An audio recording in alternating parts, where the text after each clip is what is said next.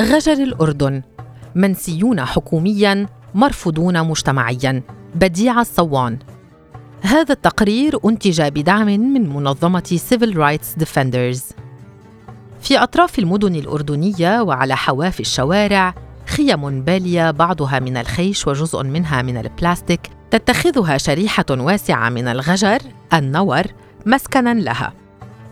هناك حيث لا تعليم ولا كهرباء ولا أي مقوم من مقومات الحياة وسط محاولات البعض للتأقلم مع واقع فرض نفسه والبعض الآخر استطاع الانفكاك من ذلك الإرث والاندماج في المجتمع ليصبح في مواجهة صور نمطية مفروضة عليه من جهة وحرمان حقوقي حكومي من جهة أخرى.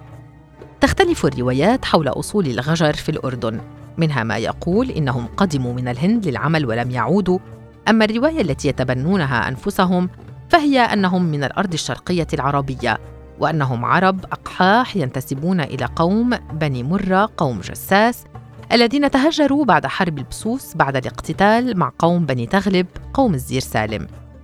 ورغم عدم وجود ما يثبت ربط الغجر بقبيلة بني مرة وأن نتائج حرب البسوس ما قبل الإسلام لم تعتمد تاريخيا وعلميا إلا أنهم يتمسكون بهذه الرواية.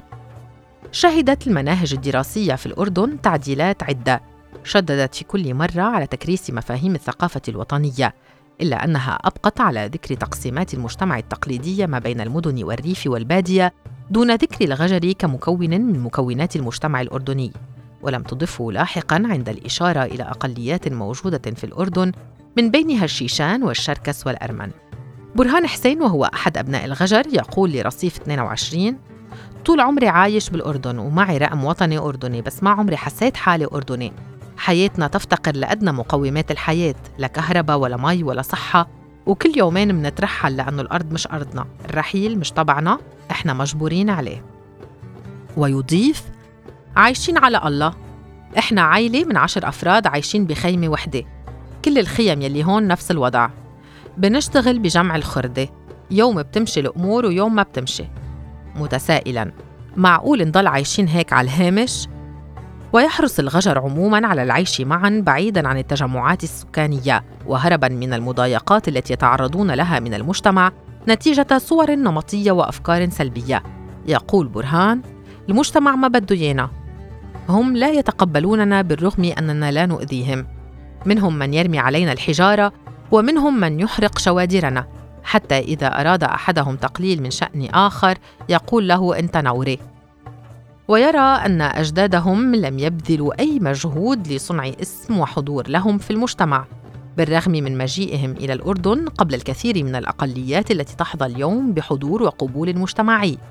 إلا أننا منسيون حكومياً مرفوضون مجتمعياً يقول. التعليم للغجر في الأردن شبه معدوم بسبب الإهمال الذي يتعرضون له، فلم تفتتح أي مدارس حكومية في المخيمات التي يعيشون ضمنها. وجميع من التقاهم رصيف 22 أكدوا عدم قدرة الأطفال في المخيمات على الكتابة والقراءة نتيجة عدم ذهابهم للمدرسة، وكانوا قد تلقوا جلسات محو أمية لكنها غير كافية وغير مستمرة. تقول شريهان زيد وهي أم لسبعة أطفال لرصيف 22 أولادي لا يجدون القراءة ولا الكتابة لم يذهبوا للمدارس لعدم وجود مدارس قريبة منا ولا نملك المال للتعليم. أنا ووالدهم أيضا لا نستطيع القراءة ولا الكتابة رغم أننا نؤمن بأهمية التعليم ونتمنى أن يتعلموا ولكن الظروف التي نعيشها هي العائق. وتضيف نتيجة لذلك فإن غالبية الفتيات يتزوجن بأعمار صغيرة بينما يبدأ الأطفال والشبان بالعمل في جمع الخردوات وبيعها لإعالة أسرهم. أصغر أسرة هنا عدد أفرادها ثمانية أشخاص إذ إننا نحب إنجاب الأطفال. وضمن نفس السياق يزيد برهان نحن لا نملك أراض وهذه سبب ترحالنا الدائم. نريد أن تمنحنا الحكومة أراض ولتبقى ملكيتها لها لنستقر ونتمكن من إرسال أطفالنا للمدارس. بعد عشرات السنوات بدأ الغجر بالخروج من المجتمع المنغلق الذين كانوا يعيشون فيه والمطالبة بحقوقهم ومساواتهم مع بقية الأقليات وأصبح لديهم طموح بوجود رابطة تمثلهم وظهرت مطالبات عديدة بضرورة وجود مقعد نيابي وكوتا للغجر لتمثيلهم ليتمكنوا من الحصول على حقوقهم. وبالفعل حاول الرئيس الروحي للغجر في الأردن فتحي عبدو موسى خوض غمار الانتخابات النيابية مرتين وذلك في العامين 2003 و2010 إلا أنه لم ينجح في المرتين لأن أعداد الغجر في الدائرة التي ترشح بها لم تسمح بحصوله على أصوات كافية للفوز في الانتخابات. فالغجر منتشرون في كافة محافظات المملكة. يقول فتحي عبد موسى لرصيف 22 من حقنا أن يكون لنا تمثيل برلماني. طلبنا بتخصيص كوتا للغجر في مجلس النواب أسوة ببقية الأقليات إلا أن مطالبنا رفضت بحجة أننا لسنا أقلية. بالفعل نحن لسنا أقلية فنحن عشائر ويتجاوز عددها الثمانين ألف. تعاملنا الحكومة كعشائر ولكنها لا تمنحنا مزايا العشائر الأردنية. ويضيف عدم انتباه الحكومة لنا وإهمالنا نتيجة أمزجة أصحاب القرار أثر علينا بشكل سلبي.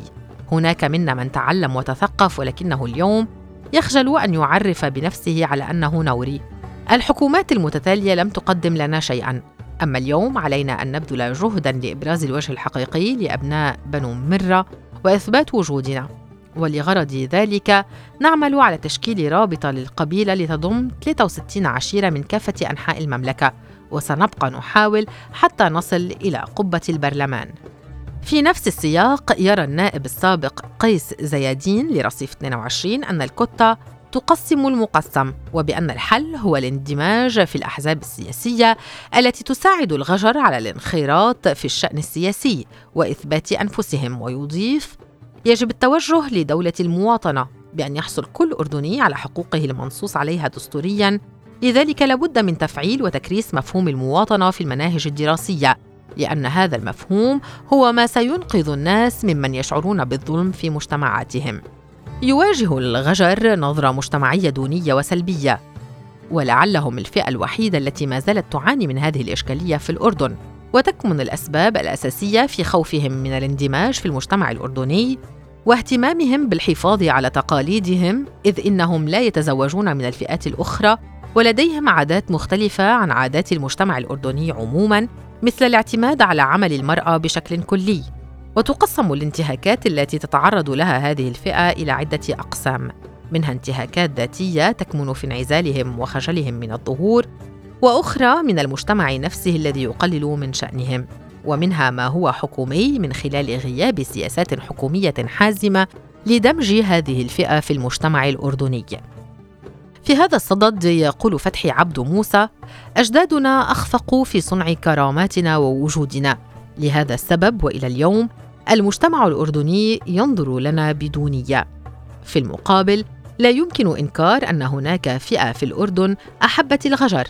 من بينهم شاعر الأردن مصطفى وهب التل الذي خصص جزءا من قصائده للحديث عن مناقبهم والتي يتقدمها خلو مجتمعهم من الفوارق. إذ لا غني ولا فقير لديهم وجميعهم سواسية. وقد كتب في إحدى قصائده بين الخرابيش لا عبد ولا أمة ولا أرقاء في أزياء أحرار ولا جنات ولا أرض يدرجها دم زكي ولا أخاذ بالثار ولا قضاة ولا أحكام أسلمها بردا على العدل آتون من النار ولا نضار ولا دخل ضريبته تجنى ولا بيدر يمنى بمعشار. بين الخرابيش لا حرص ولا طمع ولا احتراب على فلس ودينار. الكل زت مساواة محققة تنفي الفوارق بين الجار والجار.